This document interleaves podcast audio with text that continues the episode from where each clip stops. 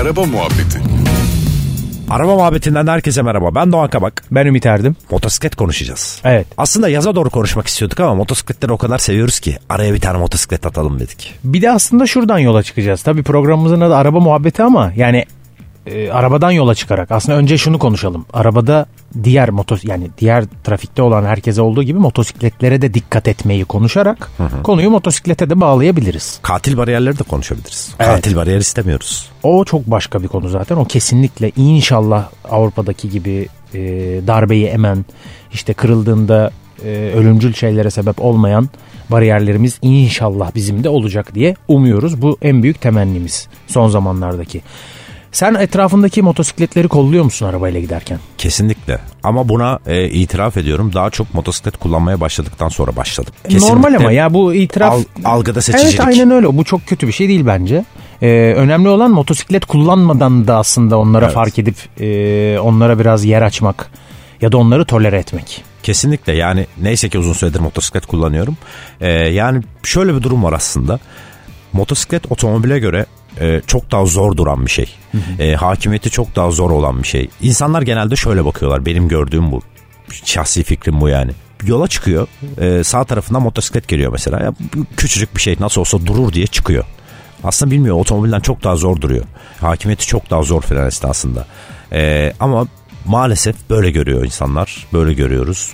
Bunu yapmamak lazım çünkü hiçbir şekilde etrafında sağında solunda korunaklı bir şey yok. Ve çarptığında direkt insan vücudunu etki ediyor. Aynen. Ayağında paten olan birisinin kıvrak hareket ya da durabilmesi gibi düşünün. Zorluk yani ya da tekme atabilmesi ya da yani o fiziğini kullanabilme zorluğunu öyle değerlendirebilirsiniz gerçekten. Hakikaten bu kadar zor.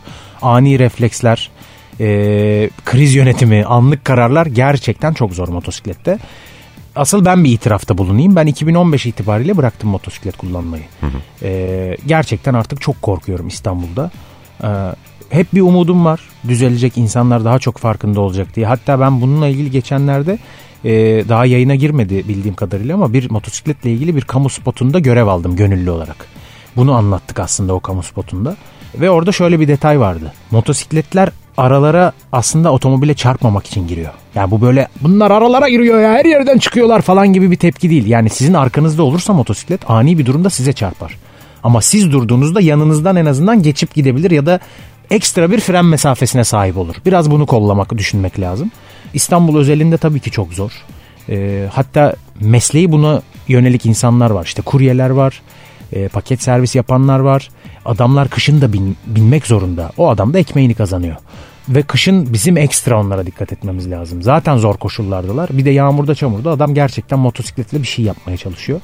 Her konuda, her grupta olduğu gibi burada da kötü niyetli insan tabii ki var. Yani hiç bunu gözetmeyen, şuursuzca kullanan, otomobili taciz eden motosiklet de var. Bir de şey çok moda oldu biliyorsun. Facebook'ta çok dönüyor videolar. Kafasına GoPro takıyor. Adam ben şimdi abi o çoğu videoyu izliyorum. Bazısı da gerçekten böyle hani bulaşıp videoya malzeme çıksın.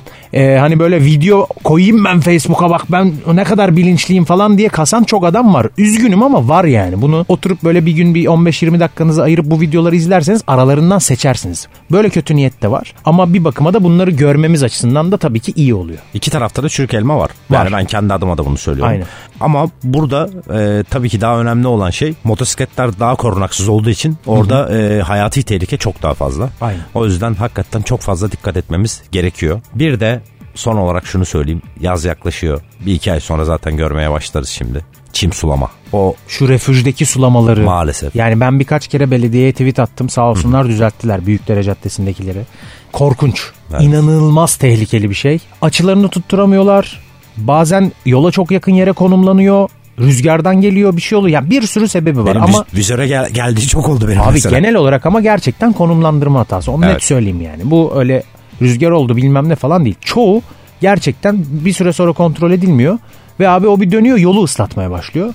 Ve aksine orası da viraj oluyor mesela. Siz virajı dönerken motosiklet yatıkken bir bakıyorsun hoppa ıslak Gitmişsin. böyle bir yer oluyor. Oradaki tozla birleştiği için su e, direkt buz etkisi yaratıyor. Aynen. Acayip kayganlaşıyor. Buradan da yetkililerimizden destek isteyelim. Önümüz yaz. Hani şimdiden açılarını toparlarsak en azından minimuma indirelim diyelim. Destek isteyelim. Evet. Ben de yaklaşık iki senedir binmiyorum motora. E, ama gözümde tutuyor. Bu yaz inşallah devam edeceğim. Görüşürüz. Beraber bineriz. Teşekkürler. İnşallah. Bye. Araba Muhabbeti